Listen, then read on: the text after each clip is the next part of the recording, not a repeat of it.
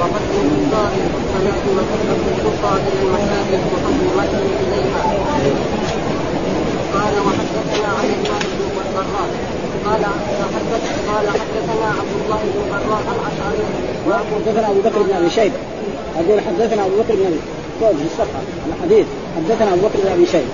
قال حدثنا أبو بكر بن عبد الشيبه وأبو جريج جميعا عن ابي معاويه قال قال قال أبو جريج قال حدثنا أبو معاويه عن الاعمش عن أبي صالح عن أبي هريرة قال قال رسول الله صلى الله عليه وسلم صلاة الرجل في جماعة تزيد على صلاته في بيته وصلاته في درجه وذلك أن احدهم إذا توضا إذا توضأ فاحسن الوضوء.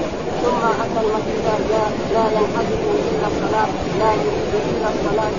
فلم يكن خطوه إلا رفع له بها درجة. وخف عنه مسافا بها حتى يدخل المسجد. فإذا دخل المسجد كان في الصلاه ما كانت الصلاة هي تحدثه والملائكة يصلون على أحدكم ما دام في المسجد الذي صلى فيه. يقول اللهم ارحمه اللهم اغفر له اللهم تب عليه ما لم يحدث ما لم يحدث فيه. قال وحدثنا قال حدثنا سعيد بن عمرو العباسي قال أخبرنا ابا قال وحدثني محمد بن بشار بن بشار. قال حدثنا إسماعيل بن زكريا. قال وحدثنا ابن مسنى قال قال حدثنا ابن عبد العزيز.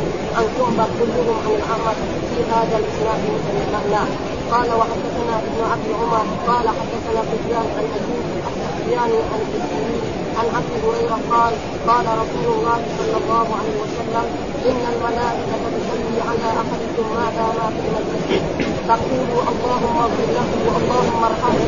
ما لم يحدث وأحدكم في صلاة ما كانت الصلاه تحدث قال وحدثني محمد بن حاتم قال حدثنا بعض قال حدثنا حماد بن سلمة عن ثابت عن أبي رافع عن أبي هريرة أن رسول الله صلى الله عليه وسلم قال لا يزال العبد في صلاة ما كانت في المصلى ينتظر الصلاه وتقول الملائكة وتقول الملائكة اللهم اغفر له اللهم ارحمه حتى ينصرف أو يحدث قلت ما يحدث قال يغفر أو يغفر قال وحدثنا يحيى بن يحيى قال قرأت على مالك عن أبي سنان عن أبي سنان عن العرش عن أبي هريرة أن رسول الله صلى الله عليه وسلم قال لا يزال أحدكم في صلاته ما دامت الصلاة تقصد لا يموت لا يمنعه أن ينقلب إلى اخيه الا الصلاة.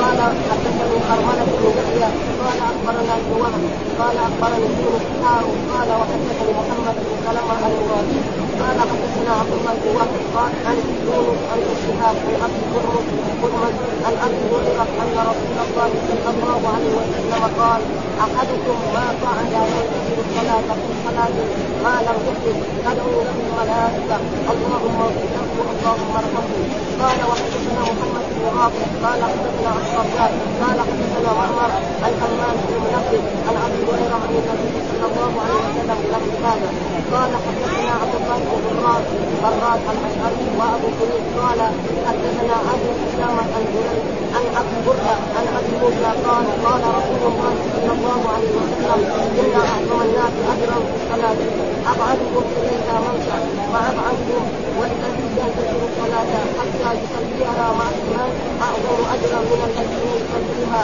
ينام وفي روايه ابي هريره حتى يصليها مع الامام في جماعة. قال وحدثنا قال حدثنا يحيى بن يحيى قال أخبرنا عبد عن سليمان بن الحسيني عن ابي عثمان عن عن بن كعب قال كان رجل لا اعلم رجلا لا اعلم رجلا ابعد من المسجد منه وكان لا تحسن تحسن صلاه قال فقيل له أو أو كنت له لو اشتريت حمارا تركبه في وفي الرهضة قال ما يسرني ما يسرني ان موتي أريد أن يفتح لي ممشاي إلى المسجد. ورجوني إذا رجعت إلى أهلي. فقال رسول الله صلى الله عليه وسلم قد جمع الله لك ذلك كله. قال وحدثنا محمد بن عبد العزى قال حدثنا مؤمن. وحدثنا اسحاق بن إبراهيم قال أخبرنا جرير كلاهما عن التوحيد بهذا الإسناد له. أعوذ بالله من الشيطان الرجيم. بسم الله الرحمن الرحيم. الحمد لله رب العالمين والصلاة والسلام على سيدنا ونبينا محمد وعلى آله وصحبه وسلم أجمعين. قال الإمام الحافظ أبو الحسين مسلم بن الحجاج القشيري النسابوي رحمه الله تعالى والترجمة الذي ترجمها الإمام النووي باب فضل الصلاة المكتوبة في جماعة ها؟ يعني النووي هو جعل التراجم. لا بس حتى ذكر الأحاديث. فهذا في دليل يعني فضل الصلاة باب فضل الصلاة المكتوبة في جماعة أن الصلاة الجماعة الصلاة الفريضة الظهر والعصر والمغرب والعشاء الصلوات الخمس في جماعة أفضل. فيها فضل عظيم جدا. ها وهذا الفضل ذكره في الحديث ب 25 درجة أو 27 درجة. وقد لفت نظري في هذه الأيام آه كنت أسمع الإذاعة إذاعة القرآن وكان شخص يعني عالم يتكلم على صلاة الجماعة في صحيح مسلم. هو الشيخ أبو عبد الرحمن أبو عقيل. كلكم يعني يسمع ها؟ ولفت نظري ذكر أن صلاة الجماعة تقريبا انها فرض عين. ها؟ فرض عين.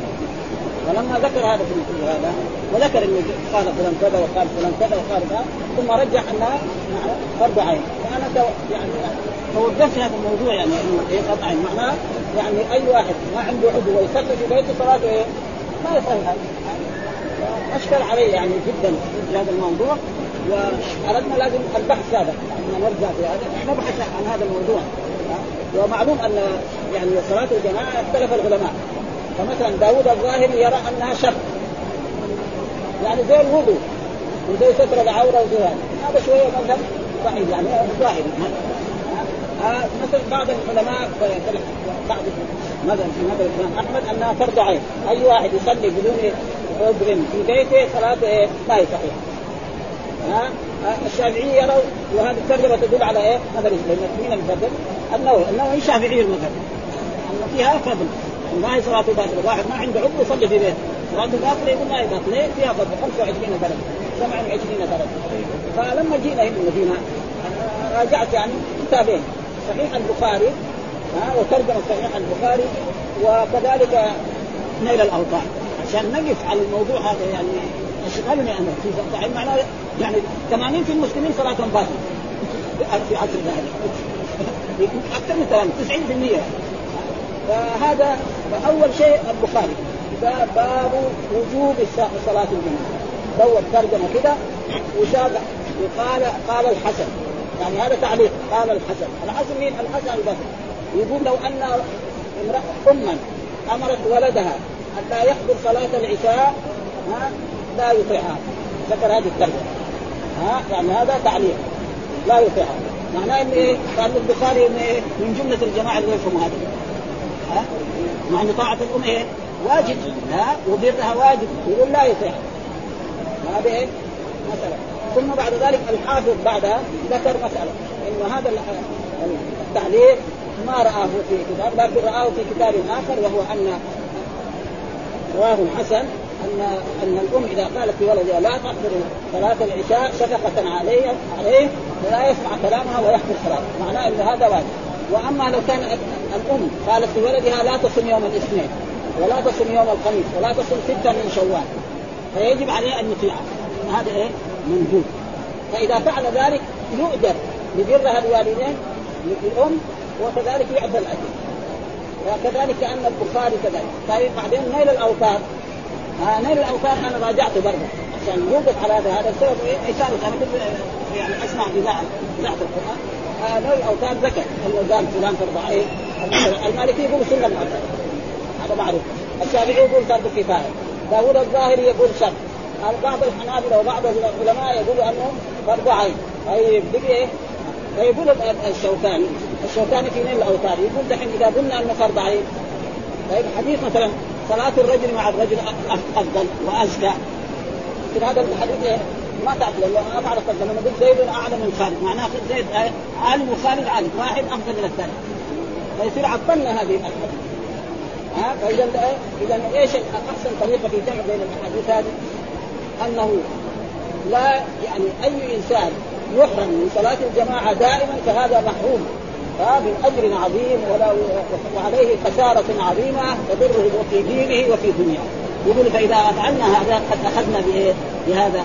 هذا هو فلذلك الآن نحن هذه الترجمة تقول على أن صلاة الجماعة فيها فضل ب 25 درجة أو 25 كيف يختلف؟ يختلف.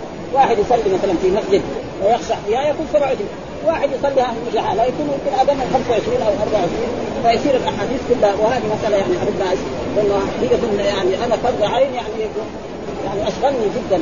ولكن وجدنا انه في من العلماء من يقول ذلك وعلى كل حال يعني كلام الشوكاني هذا يعني طيب. يقول الرجل الذي دائما ما يصلي في جماعة محروم. وقال إيه لازم المسلم والصحابة كان يقول عبد الله بن مسعود رأيتنا ما يتخلف عن صلاة الجماعة إلا إيه؟ منافق معروف النفاق يعني المنافق المستور أبدا يجي يصلي. هذا الحين لو طبقناه في عصرنا هذا على كثير من المسلمين. صعب جدا. بلا عذر. هذا وبلا عذر كل هذا بلا عذر. أما إذا عذر هذا ما في. لا مثلا واحد كان يحضر وصار مريض في البيت نايم سنه كل يوم ياخذ اجر ها؟ فلذلك هذا فالترجمه هذه تدل على أن فضل الجماعة لها فضل والذي يصلي في بيته دائما ليس له. ولكن المسألة عشان نحدث نحن طلبة علم نعرف إنه قال فلان كذا وقال فلان كذا وكلام الشوكاني هذا أنا عجبني إن الشخص الذي لا يصلي في الجماعة دائما فهذا محروم. ها؟ أما كونه أنه صلاته يعني فرض عين شوية في في النفس منه شيء يعني تقريبا. لأن الآن في عصرنا هذا المسلمين يعني تقريبا يمكن 90% ما يحضرون خصوصا في بعض البلاد يعني. ابدا ولا يعرف يعني حتى عندما يصلي يوم الجمعة يروح يصلي. ها؟ ها؟ أنا هذا المكتوبة في جماعة، إيش المكتوبة؟ خمس صلوات، وأما صلاة النافلة ففي البيت أفضل، جاء في أحاديث عن رسول الله أفضل صلاة الرجل في بيته إلا المكتوبة، كونه يصلي. ولذلك مثلا واحد يصلي نافلة في البيت. أفضل من ألف صلاة في هذا المسجد. ليس بعيد. ويصلي في هذا المسجد كذلك نافلة بألف صلاة. وفضل انتظار الصلاة. يصلي وينتظر الصلاة. مثلا نرجو أن نكون نحن كذلك صلينا المغرب وننتظر العشاء. وهذا في أجل آه فإن الملائكة نعم تستغفر له وتقول اللهم ارحم اللهم تب عليه. وكثرة الخطى إلى المساجد. كثرة الخطى كلما رفع رجله رفعت له درجة وكلما حط رجله حطت عنه خطيئة. ذهابا وايابا وهذا فيه إيه؟ أجر عظيم جدا. وجاء حتى هو يعني استدل ان الرجل الذي صلى خلف الصف قال له أعد صلاته، الواحد يصلي خلف الصف لأنه صلى منفرد فلذلك استدلاله يعني شوية استدلال الاستدلال الذي الشيخ عبد الرحمن عظيم. يعني فيها شيء ولكن هو صلاة الجماعة هي يجب على المسلم أن يحضر عليها ويحافظ عليها كل المحافظة. وأما كونها فرض كفاية كمان كما تقول الشافعية شوية في صعوبه إذا كان الرسول ما يهم يعرف بيوت الناس فإذا قام بها البعض سقط إيه؟ الباقين خلاص. هذا فلذلك أنا. وفضل المشي إليها. ها فضل المشي إليها برجله كلما رفع رجله رفعت له درجه وكلما حط فإذا جاء بالسيارة أو جاء له أجر وله ثواب لكن ما هو مثل إيه؟ لما إيه؟ يمشي برجله إلى إلى المسجد وكل ما كان أبعد عن المسجد كان أجره أكثر هذا ذهابا وايابا وهذا يعني ترجمة قالوا باب فضل الصلاة المكتوبة في جماعة. فهذا يعني ترجمة الإمام النووي تدل على أنها أفضل إيه؟ من الصلاة المنفردة. أما الذي يصلي في بيته منفردا صلاته صحيحة وله فيها أجر وله فيها ثواب. ولكن هذه افضل خلافا لمن يقول انها فرض عين أو يقول فرض كفايه المالكيه يقول سنه مؤكده يعني كلام المالكيه انها سنه مؤكده يحرص عليها المسلم ها وهذا يمكن هو يعني قوي جدا و ها وفضل الفضل وكثره الخطى إلى المساجد طيب إيش الدليل على ذلك؟ هذه الاحاديث قال حدثنا أبو بكر بن أبي شيبة وأبو قريب أو أبو قريب جميعا عن أبي معاوية قال أبو قريب حدثنا أبو معاوية عن الأعمش عن أبي صالح عن أبي هريرة قال قال رسول صلاة الرجل في جماعة تزيد على صلاته في بيته وصلاته في سوقه بضعا وعشرين درجة ها وهذا دليل على أن الصلاة اللي يصلي وحده إيه؟ صلاته صحيحة وفيها فضل لكن ما هذيك بإيه؟ صلاته في بيته، يصلي دائما في بيته وصلاته في سوقه، لأن السوق هو محل الصلاة ها بضعا وعشرين درجة. بضع والبضع دائما من الثلاثة إلى إلى إلى التسعة إلى العشر. هذا معنى البضع دائما. ها؟ من وفي حديث آخر 27 كيف جاء الجمع؟ الجمع أول أن الرسول أعلم ان ب 25 درجة ثم جاءه الوحي بانه 27 وهذا يصير. ثم بعض العلماء يقول إيه؟ يعني لا مفهوم للعدد. يعني بعض العلماء يقول لا مفهوم بعد 25 درجه أو 27 درجه ما في اذا الصلاه في جماعة افضل من ذلك وهذا يدل على ان صلاه المنفرد صلاه صحيحه فهذا فيه يعني ولذلك الامام الشوكاني يقول لا اذا قلنا آه هذه الاحاديث يصير عطلنا اذا قلنا فرض عين فيقول هذا الحديث إيش معنى؟ ما له محل يعني ابدا وكلام الشوكاني يعني ها وهناك من يقول انها فرض عين وهناك من يقول انها شرط ها كداوود الظاهر وهناك من يقول أنها سنة مؤكدة وهي من سنن المصطفى صلى الله عليه وسلم والصحابة ما كان الواحد يعني مريض يؤخذ من واحد يمسك من هنا والثاني يمسك من هنا حتى يصل إلى الصف ولا يرضى يصلي في بيته مع أنه مريض. ومعلوم عن أصحاب رسول الله صلى الله عليه وسلم يعني أهم من كان إيه؟ يعني يتمثل برسول الله صلى الله عليه وسلم ويتبع رسول الله صلى الله عليه وسلم في هذا. ثم وذلك أن احدا إذا توضأ وذلك أن أي أحد من المسلمين يتوضأ فأحسن الوضوء، إيش احسن؟ يعني يتوضأ كما امره الله في الآية المائده، إذا قمتم إلى الصلاة فاغسلوا وجوهكم وأيديكم إلى المرافق وامسحوا رؤوسكم على الجلد إلى الكعبين، هذا كثير الوضوء في إيه؟ أيام المكاره في أيام البرد في الموية الباردة. ففي إيه؟ أجر أكثر، ثم أتى المسجد لا ينهزوا، يعني لا يفرزوا ولا تنهزوا وتقيموا، يعني ما خرج من المسجد لأجل يبيع أو يشتري أو رجل يعطيه شيء من المادة أو غير ذلك إنما الصلاة في إيه؟ في مسجد ها فيه جماعة المسلمين لا يريد إلا الصلاة فلم يخطو خطوة. الخطوة معناه يجي لما يرفعها ها إلا رفع له اياها درجة وحطت عنه خطيئة. ها ذهابا وايابا. فهذا فيه إيه؟ أجر عظيم هذا. حتى يدخل المسجد. فإذا دخل المسجد إذا دخل كان في صلاة ما كانت الصلاه هي تحديث. مثلا آه جاء مثلا في هذا المسجد الناس يجون إيه؟ من الأذان الأول. وينتظروا حتى يفتح المسجد ويدخل. أو في مسجد المسجد دائما مفتوح. فيصير إيه؟ في صلاة. لا قعد يذكر الله ويستغفر أو يهلل فإنه في صلاة ويحكم أنه في صلاة حتى ما كانت الصلاة تحبسه ها؟ يعني ما الصلاة هي اللي إيه؟ تمنعه أن يعود إلى بيته. فيجي من الأذان الأول أو من بعد العصر أو بعد المغرب وينتظر إلى العشاء فإن في ذلك له من اجر والملائكة يصلون عليه. الملائكه يصلون عليه معناه يدعون له ويستغفرون له. الصلاة من الملائكه بمعنى الاستغفار. ها يصلون على أحدكم ما دام في مجلسه الذي صلى فيه يقول يقولون اللهم ارحم اللهم اغفر له. اللهم تب عليه ودعاء الملائكة معلوم له مكانة ها فالملائكه اللهم ارحم هذا الرجل الذي إيه دخل المسجد وبعد ينتظر الصلاة وتقول اللهم اغفر له اللهم تب عليه.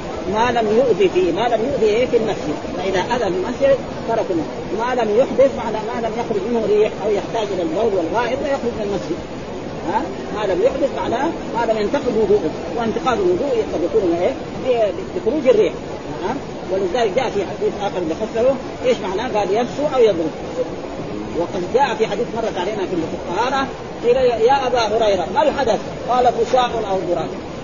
مر علينا كده ها شرح تمام واضح ما يحتاج ها؟ فساء أو ضراب. فإذا خرج من هذا يروح. لو راح ذهب وتوضأ وعاد الملائكة تستغفر يروح يتوضا ويرجع في مكانه ينتظر. أو كذلك ينتظر في مسجد مثلا يصلي الفجر ويجلس في مجلسه حتى يصلي إيه؟ نعم الضحى ركعتين أو أربع ركعات ثم يعود إلى بيته. وجاء في حديث آخر عاد بحجة وعمرة تامتين تامتين. بهذا اللفظ. وعلى كل حال هذا تشبيه. ليس معنى دول العمره إلا في مكة.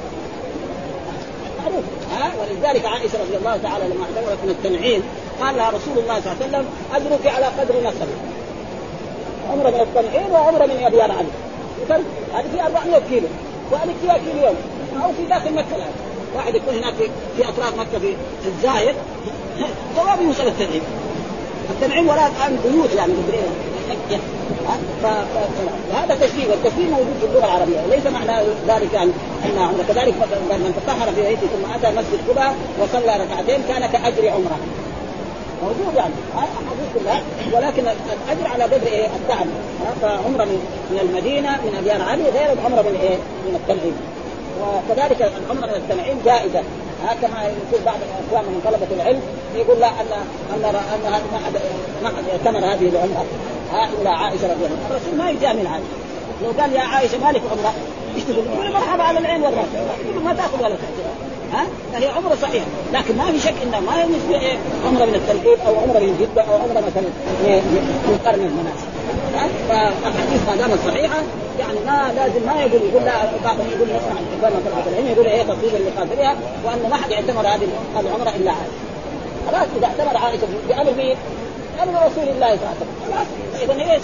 مشروعه لكن كونها إنها لازمة أو فهذا شوية يعني ما يتساعد مع مع الأدلة. ها؟ ما لم يؤذي فيها. ثم قال حدثنا سعيد بن عمرو الأشعثي قال أخبرنا عبثر اولا الاسناد وقال حدثنا محمد بن كتاب ابن ابن غيان قال حدثنا إسماعيل بن زكريا حول الاسناد قال حدثنا ابن ابن المثنى قال حدثنا ابن عن شعبة كلهم عن الأعمش هذا الإسناد بمثل معنى وهو أن الإنسان إذا يعني صلى في جماعة كان صلاته تفضل على صلاة المنفرد ب 25 درجة وأن الإنسان إذا توضأ فأحسن الوضوء ثم أتى المسجد لا يفيد إلا الصلاة لم يخطو خطوه إلا رفع له درجة واستطاع ان يستطيع حتى يدخل المسجد فإذا دخل المسجد كان في صلاة ما كان في الصلاه تحدثه والملائكة على الاهل ما دام في الصلاه وقد ثبت في حديث أن الرسول كان إذا صلى الفجر يجلس في مجلسه حتى يصلي. ولكن في غير الاوقات الثانية كان يكون وحدثنا ابن ابن أبي عمر قال حدثنا سفيان عن يونس السفياني عن ابن سيرين عن أبي هريرة قال قال رسول الله صلى الله عليه وسلم إن الملائكة تصلي على أحدكم. فمعنى إيه تصلي عليه معناها تدعو له وتستغفر له، إيش الصلاه والاستغفار الاستغفار، ما تقول اللهم اغفر له، اللهم ارحم. ما لم يؤذي ها؟ ما لم يؤذي أحدكم في صلاة. واي مسلم فيه ما كانت الصلاة تحدثه يعني تمنعه عن العود إلى بيته. ها؟ ونرجو أن نكون مثل ذلك. صلينا المغرب وجلسنا في هذا المسجد في علمي. وحتى نصلي العشاء ونعود إليه. فنرجو أن نكون من المنتظرين. ويكون كثير من المسلمين كذلك الجالسين في هذا المسجد. وفي جميع مساجد المسلمين إن شاء الله من ذلك. وقال حدثنا محمد بن حاتم حدثنا باز حدثنا حماد بن سلمة عن ثابت عن أبي رافع عن أبي هريرة أن رسول الله صلى الله عليه وسلم قال لا يزال العبد في صلاة ما كان في مصلاه ينتظر الصلاة. ها مصلى مكان إيه؟ الصلاة. ها جاء في الصف الأول وجلس.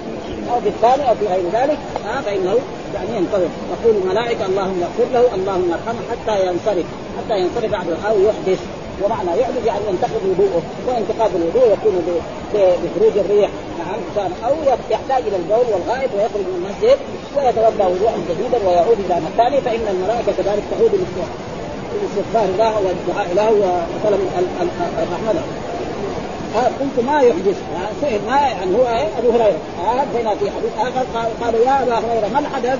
قال يصفو أو يضرب؟ ها والفساء معروف وحدثنا يحيى بن يحيى قال قرأت على مالك عن أبي الزناد عن الاعرج عن أبي هريرة أن رسول الله صلى الله عليه وسلم وهذه سألة يعني معروف أن إيه الاخوات إيه كانوا اخواتا ترفع المبتدا وتنصب الخبر. ها؟ ولكن لها شروط. من شروطها انه لازم يكون قبلها نفي أو نهي. وتارة تكون للنبي وتارة تكون للنهي وتارة تكون للدعاء وهنا لا يزال أحدكم. هذا لابد أن يكون لأن زال معناه إيه؟ ذهب يعني امتنع. لكن لما تيجي في معنى مثلا واحد يقول لا يزال فلان موفقا للخير. معناه بندعي بالتوفيق للخير. ها؟ ولا يزالون مختلفين. ها؟ فلذلك هي لابد أن يكون فيها. ولازم أنا مهنا لجرائك القصر هذا دعاء. بعد واحد يكلم إنسان يقول له لا زلت موفقا للخير. هذا دحين لا دعائية. ها؟ ليه؟ الله في القران لا تؤاخذنا إن نسينا. لا تؤاخذنا لا دعائيا نهي عبد هو. العبد الديوم فيجب أن نعرف هذا. مرة تكون للنهي ومرة لما يكون النهي من الأعلى للادنى يكون لله. لكن لما يكون من الادنى على يصير دعاء. ربنا لا تؤاخذنا. لا يشهد لا دعائية. تؤاخذ فعل مضارع منصوب على الجزم السكون اللي هو يعني وهناك لما يقول مثلا مثلا لا لا تزل مثلا جالسا في المسجد. هذا نهي مثلا لما يكون يعني ما دامت تحدثه لا يمنع أن ينقلب إلى آله إلا الصلاة. لا أن يعود إلى آله أو إلى عمل إلى دكان أو إلى عمل إلا الصلاة. فإن ما دامت الصلاة تحدثه. ثم ذكر حدثنا حرملة بن يحيى أخبرنا ابن وهب اخبرني يونس حول الإسلام قال حدثنا محمد بن مسلم المرادي حدثنا عبد الله بن وهب عن يونس عن ابن شهاب عن هرمز عن أبي هريرة أن رسوله قال أحد قال أحدكم ما قعد ينتظر الصلاة في صلاة. ما قعد ها؟ قال أحدكم هنا ما يعني إيه؟ مصدريه يعني قعود احدكم يعني ما هي نفي ها؟ يعني قعود احدكم ينتظر الصلاه يصير ما؟ مصدريه زي ما بنته حيه وما بعرف صارت تكون النبي. صارت تكون شرطية صارت يعني معروف يعني. ما تكون زائدة. فبما نقدهم ما هنا إيه زائد. يعني بإيه نقدهم فبما رحمة من الله. يعني إيه؟ برحمة من الله. فاللغة العربية لغة عظيمة جدا فلا يوجد لها نظير ابدا. كلها هي مال. فلما نيجي هنا مثلا يعني نفسر هذا الحديث يعني لا ما دامت الصلاة تحدث أو في الحديث قال أحدكم ما قعد ينتظر الصلاة. يعني ما زال ما قال أحدكم ما قعد ينتظر. يعني قعود أحدكم. يصور بالمسجد ويعود احدكم ينتظر الصلاة. المعنى صحيح تماما. ها فإنه في صلاة ما لم يحدث. ها ما لم يحدث يعني ينتقل الوضوء تدعو له الملائكة. اللهم اغفر له اللهم ها هذا فيه فضل عظيم جدا. وكان يعني المسلمين يعني وكان أصحاب رسول الله صلى الله عليه وسلم يجتمعون في المسجد ويجلسون إما للمذاكره العلميه أو أو الجلوس انتظار الصلاة وجاء في أحاديث كذلك الرباط كذلك الرباط انتظار الصلاة بعد الصلاة الرباط والرباط معروف أن المسلم يقف على ثغور المسلمين حتى لا يدخل الكفار وفي أجر عظيم جدا. وكذلك انتظار الصلاة هذا من ذلك. قال حدثنا محمد بن رافع حدثنا عبد الرزاق حدثنا معمر عن همام بن منبه عن أبي هريرة عن النبي صلى الله عليه وسلم بنحو هذا. ها بمثل الحديث يعني قال أحدكم ما قال ينتظر الصلاة في صلاة ما لم يحدث له الملائكة اللهم اغفر له اللهم آه ثم ذكر قال مسلم قال حدثنا عبد الله بن براد الأشعري وأبو كريب قال حدثنا أبو أسامة عن بريد عن أبي بردة عن أبي موسى. ها يعني أبي بريد هذا ابن أبي بردة. وأبو بردة والده ابي موسى الأشعري وهو الصحابي الجليل. قال قال رسول الله إن أعظم الناس أجرا في الصلاة أبعدهم إليها ممشى رجل يكون ياتي من مكان بعيد لأنه كل ما رفع رجله رفعت له درجة وكلما حط رجله حطت عنه خطيئة ذهابا وايابا وكلما كان أبعد كان إيه أجره أكثر فابعدهم الله. والذي ينتظر الصلاة. كل ما كان بعيد يكون إيه أجره أكثر والذي ينتظر الصلاة حتى يصليها مع الإمام أعظم اجرا من الذي يصليها ثم ينام. يعني كثير من الناس الآن مثلا في أجر عظيم. واحد صلى الفجر وجلس في مجلسه نعم يذكر الله ويقرأ القرآن أو يستغفر أو في مجلس علمه حتى تطلع الشمس. ثم يصلي ركعتين. جاء في حديث أنه عاد بحجة وعمرة تامتين تامتين. يجي النعاس يجي ولا يخليه أو يكون من الجماعة اللي يصفروا يعني لابد أن ينام بعد صلاة الفجر. خساره يعني. لكن جائز ما يمكن يقول لا الذي جلس هذا وانتظر له فيه أجر عظيم جدا وله فيه الكلام الذي حتى يصليها مع الإمام. أعظم اجرا من الذي يصليها ثم ينام. وهذا كثير ما يقع مثلا يعني في صلاة الفجر. ها؟ كان أصحاب رسول الله صلى الله عليه وسلم وكان ينتظر ويجلس مجلسه حتى يصلي الفجر ثم يجلس حتى تطلع الشمس ثم يصلي الضحى ثم وفي رواية كريم حتى يصليها مع الإمام في جماعة. وحدثنا يحيى بن يحيى أخبرنا عبسر عن سليمان التيمي عن ابن عثمان النهدي عن عن ابن أبي كعب. عن خدير بن كعب قال كان رجل لا أعلم أحدا أبعد من المسجد منه. أنا كنت أعتقد رجل بعيد يعني يكون بعيد عن عن مسجد رسول الله صلى الله عليه وسلم وكان بعيدا عن المسجد وكان لا تخطوه صلاه يجي في الظهر من المكان البعيد وينتظر صلاة الظهر ويصلي مع رسول الله. وكذلك العصر وكذلك المغرب وكذلك العشاء حتى بعض المرات قال له هو هذا الرجل الصحابي أو التابعي؟ قال له لو اشتريت حمار. ما يقدر يقول له تشتري سيارة. ما في هذه الأشياء. هذا هذا الموجود في ذلك الوقت. ولا حتى دراجة ما في. ها؟ فقالوا بيع ما في دخل يعني الادوات الموجودة. يعني يمكن الفرس يكون أغلى. والبعير أغلى. ها؟ ولكن هذه موجود فقال له اشتريت حمارا. ها؟ تركبه في الظلماء في ليالي تكون ظلمه ها؟ في آخر الشهر. ها وما في أنوار إلى غير ذلك وفي الرمضاء في شده حراره الشمس الأرض الحارة في شدة الحر ها قال ما يسرني أن منزلي إلى جنب المسجد. أنا ما يعني ما أرغب أن يكون منزلي إلى جنب المسجد. هذا جنب المسجد هنا دغري إلى اذن دغري أجل. لكن أنا احب إيه أمشي من مكان بعيد إلى المسجد ثم أصلي الصلاة ثم أعود إلى بيتي. كلما رفع رجله رفعت له درجه وكلما حط رجله حطت عليه خطيئة هذا مكسب كبير جدا. ما يفرق فيه. فلذلك أنا ما يستطيع ان أكون قريب من انما أنا نعم احسن هذا من شاء ذهابي وحياني إلى المسجد. ها؟ قال أريد أن يدخل من شاء إلى المسجد ورجوعي إذا رجعت إلى أهلي. ما أنا ما أحب أن أكون ارسل وجاء بعد ذلك حديث أبي سكر هذول لما يعني فضت محلات قرب المسجد قالوا بن سكر بن سكر قال لا. وقال لهم الرسول يعني ديانة تستوي آثار. لا بني سلمة أنا كنت فكل ما بعد عن المسجد كان له أجر أكثر وأعظم من ذلك اجر وهذا كله إيه؟ يبين فضل الجماعة وفضل انتظار الصلاة والمشي إلى الصلاة. كلها أحاديث يعني هي موضوع شيء واحد هذا. قد جمع الله لك ذلك كله. ها؟ يعني ذهاب إلى المسجد رفع كل ما رفع رفعه الغلبه وكل ما حصل عن طبيعه ذهابا وايابا وكتب الله له اجر في ذلك. حدثنا محمد بن تعالى قال حدثنا المعتمر حول الإسناد وحاء وقال حدثنا إسحاق بن إبراهيم قال أخبرنا جرير كلاهما عن التيمي بهذا الإسناد بنحوه. الاحاديث كلها تقريبا معناها واحد. وحدثنا كذلك محمد بن بكر المقدري حدثنا عباد بن عباد حدثنا عاصم بن أبي عثمان عن أبي بن كعب قال كان رجل من الأنصار بيته أقصى بيت في المدينة يعني بعيد عن جدا عن كان لا تخطئه صلاه صلاه مع رسول الله صلى الله عليه وسلم. قال فتوجعنا له. يعني يعني يعني حصل علينا. يعني زي الرخاء أو الحزن عليه أنه لو يشتري بحمار ويكون يعني يركب هذا الحمار ويصل قد يكون كذلك في السن فيه شيء كبير في السن هذا. فقلت فقلت له يا فلان لو أنك اشتريت حمارا واشتريت حمارا يقيك من الرمضاء. الرمضاء معناه في أيام الحرارة. الأرض طبيعيه فيها شده من الحرارة يقيك من هوام الأرض. هوام من العقارب والحيات وغير ذلك. معروف أن المدينة فيها هذه الأشياء. قال أما والله أما معناه لا يعني ألا يعني حرف تنبيه يعني أما والله ما أحب أن بيتي مضرب بيتي محمد صلى الله يعني بجنب إيه؟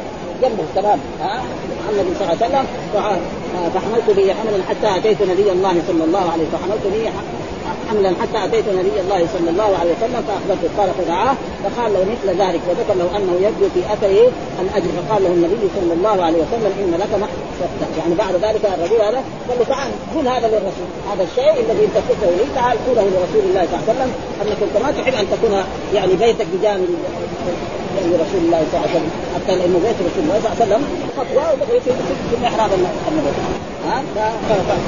فقال له ها؟ لك ما احتسبته ما دام أنت تريد هذا فلك الأجر الذي إيه؟ تريد أن تحصله من إيه؟ من ذلك وكذلك قال فهذا كل الأحاديث يعني تبين فرض إيه؟ المشي إلى إلى صلاه الجماعه الجماعة والصلاة فيها.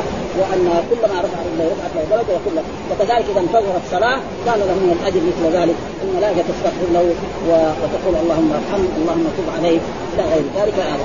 قال حدثنا سعيد بن عمرو الأشعثي ومحمد بن أبي عامر كلاهما عن ابن عيينة الذي هو سفيان حول الإسناد. وقال حدثنا سعيد بن أزهر الواسطي قال حدثنا وكيع حدثنا أبي كلهم عن عاصم بهذا الإسناد نحوه مثله وثم كذلك حدثنا حجاج بن الشاعر حدثنا روح بن عبادة حدثنا زكريا بن إسحاق حدثنا أبو الزبير قال سمعت جابر بن عبد الله قالت كانت ديارنا نائية عن المسجد يعني بعيدة. والمراد المسجد هو مسجد رسول الله صلى الله عليه وسلم. فأردنا أن نبيع بيوتنا فنقترب من المسجد. نبيع البيوت البعيدة ونشتري أرضا جانب مسجد رسول الله صلى الله عليه وسلم. حتى إذا حصل أذن المؤذن كان بيننا وبين المسجد خطوات. أو بجانب وصلينا ثم عدنا إلى بيوت فنهانا رسول الله صلى الله عليه وسلم. لا يجلس مكانك عشان تدخل لأن هذا بعدين إذا دخلت المسجد بعد ما كان كل شيء كيلو يصير كل شيء خمسة أمتار ستة أمتار. ها؟ فلا شيء اللي هو ذاك الآن ما شاء الله يجوا مسافات بعيدة. خصوصا في رمضان. ها الواحد يكون في أبيار علي يصلي في هذا المسجد. أو في أو في غير ذلك. ونهانا رسول الله فقال إن لكم بكل خطوة درجة. ها بكل خطوة تخطوها درجة. وكل ما يعني يعني نزل كذلك إيه؟ روح خطيئه فلذلك هذا ثم ذكر كذلك حدثنا محمد بن مسنى حدثنا عبد الصمد بن عبد الله قال سمعت أبي يحدث قال حدثني الجريري عن أبي نضره عن جابر بن عبد الله قال دخلت خلت البقاع حول المسجد. يعني محلات حول مسجد رسول الله صلى الله عليه وسلم. خلت يعني مثلا كان فيها قرابات أو شيء فأراد بنو سلمه أن ينتقلوا إلى قرب المسجد.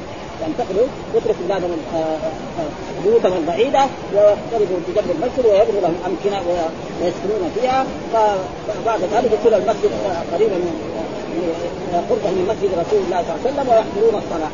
فبلغ ذلك رسول الله فبلغ ذلك رسول الله صلى الله عليه وسلم ذلك رسول الله صلى الله عليه وسلم فقال ان بلغني أنكم تريدون أن تنتقلوا قرب المسجد. قالوا نعم.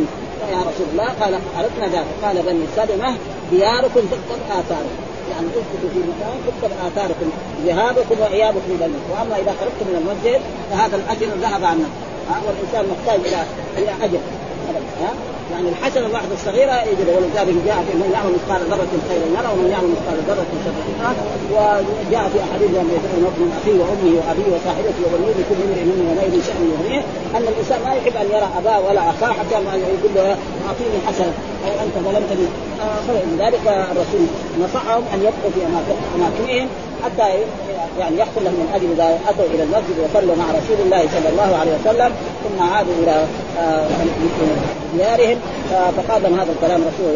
دياركم تكتب آثاركم دياركم يعني تأكيد. الجملة الثانية تأكيد الأولى ولذلك قال كذلك حدثنا عاصم بن نضر التميمي حدثنا معتمد قال سمعت كهمسا يحدث عن أبي نضره عن جابر بن عبد الله قال أراد بنو سلم أن يتحول إلى خب قال والبقاع خالية. فبلغ ذلك النبي صلى الله عليه وسلم فقال يا بني سلمة دياركم تكتب آثاركم. ها ولذلك بعد يعني له في ذلك أجر عظيم وهذا كله يعني يحث على حضور الجماعة وعلى صلاة الجماعة وإن قلنا صلاة الجماعة تبدل على صلاة المنفرد ب 27 درجة أو ب 25 درجة وهذا يعني يختلف باختلاف المصلي. رجل خشع في صلاته وأداها كاملة فيكون في حصل الثواب رجل يكون أقل من هذا والقرآن قد أفلح المؤمنون الذين إيه؟ في صلاتهم خاشعين ولذلك مر علينا كان في حديث في صحيح البخاري أن الإنسان له من صلاته ما عقل وقد حصل ذلك ان أن الإمام البخاري بوب مرة في تراجمه أن يعني الخروج من الصلاة إلى سفر بعيد كذا لا يؤثر في الصلاة. فذكر أن رسول الله صلى الله عليه وسلم صلى مرة إحدى الصلوات وحال ما سلم دغري دخل بيته. وما كان من عادة الرسول إذا صلى ما في مكانه فلما دخل إلى بيت بعد دقيقة أو دقيقتين رجع له. ها؟ قال الرسول تذكرت كبرا نعم فأمرت لي حسنا يعني كبرا معناه إيه؟ تراب في إيه؟ ذهب ها امرت فرجع له. وساد بعد الحديث عن أبي هريرة أن أبا هريرة سأل رجل من الصحابة ما صلى ما هي السورة التي قرأها الرسول في صلاة العشاء البارحه؟ برجل من الصحابة حضر صلاة العشاء هذا الرجل قال له أنا ما أدري. الصحابة قال له أنا أدري. أبو هريرة قال له أنا أدري. معناه إيه؟ إن هذا الصحابي ذهنه راح فين؟ راح برضه عن الصلاة ما هو وهذا بيحصل يعني قبل واحد سال يقول اليوم الامام قرا مثلا في صلاه الجمعه واحد اختلف قال لا قرا سبح اسم ربك الاعلى واحد يقول لا ما قرا سبح اسم ربك الاعلى ليه؟ لأنه إيه الفكر بيشتغل برا لأنه الشيطان ما يبغى يصلي صلاه الرب ابدا فهذه الاشياء على كل حال تؤثر بعض بعض الشيء لكن على كل حال هو جاي للمسجد يصلى له اجر وله ثواب ولكن لو كان انتبه كان يبني ومع ذلك نحن جاء في احاديث عن رسول الله صلى الله عليه وسلم أن الرسول نعم جعلت قرة عيني في الصلاة هذه أحاديث صحيحه وكان الرسول يقول يا بلال أرحنا للصلاه يعني دخلنا الصلاة يصير كأنه راح في إيه؟ كأنه راح في روحانية ثانية غير الروحانية الاولانيه نحن الآن لما نصلي واحد فين يروح من هنا في الشرق وفي الغرب إذا كان عنده تجارة أو عنده أعمال دنيويه يروح من هنا ومن هنا وكنت أنا يعني في صحيح البخاري عمر يقول أن عمر بن الخطاب إنه كان لما يدخل الصلاة يفكر في الجيش حقه في العراق وفي الشام ويقعد إيه؟ يخطط لهم تخطيط إيه؟ كيف الجيش يمشي وكيف حتى معروف إنه كان مرة على المنبر قال يا ساري الجبل. هذه كرامه عمر في المدينة وهذا كان في الجبل. يا ساري خبر سمع صوت عمر بن الخطاب وانتبهوا اذا كان الجيش هذه معناها كرامة من كرامات الامير وإذا كان عمر كان كذا يروح إلى هذا. يعني أنا كنت أستمع لكن وجدها الحافظ ذكرها. الحافظ بن حجر ذكرها في الدفع انه كان عمر يفعل مثل ذلك فعلى كل حال الصلاه لا يمشي حالها يعني. كل الناس المسلمين لا. ولكن خير من لا يصلي ها؟ والا ما في واحد يروح من هنا ومن هنا. لا أفراد من الناس. كل الناس اللي عندهم أعمال دنيوية. ها؟ رجل موظف ها؟ رجل مثلا تاجر رجل شغال طالب الآن. يفكر في المسائل في الاختبار حق الاختبار.